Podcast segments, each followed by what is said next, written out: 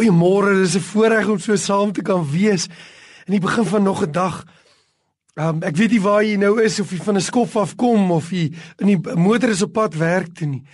Jy ken Spreuke 15. Spreuke 15 sê die bekende woorde wat sê sagte antwoord keer die grimmigheid af.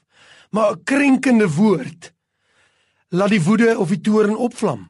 Af 'n tyd gelede trek ek weg by 'n plek. Ek ry agteruit met my bakkie en ek het regtig 'n man agter my gesien en ek stamp in hom in. Sy sy buffer van sy kar het so lekker stamp in. Jo en ek staan onmiddellik ek klim onmiddellik uit en hy hy klim uit en hy begin my uitskel. Hy begin my beledig en hy begin die lelikste goed vir my sê.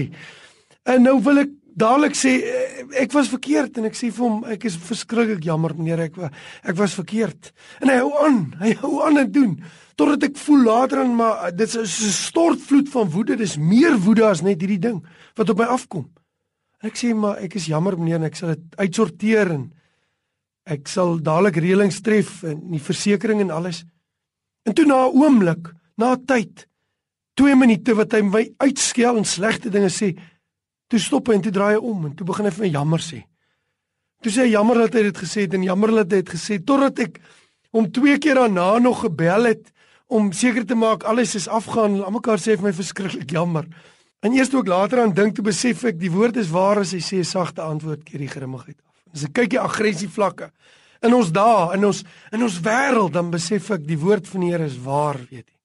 Selfs as ek verkeerd was, dan sal 'n sagte antwoord die grimmigheid laat opklaar en ek dink toe aan 1 Petrus 2 waar gesê word van Jesus Toe hy uitgeskel is, het hy nie terug uitgeskel nie. Toe hy gelei het, het hy nie gedreig nie.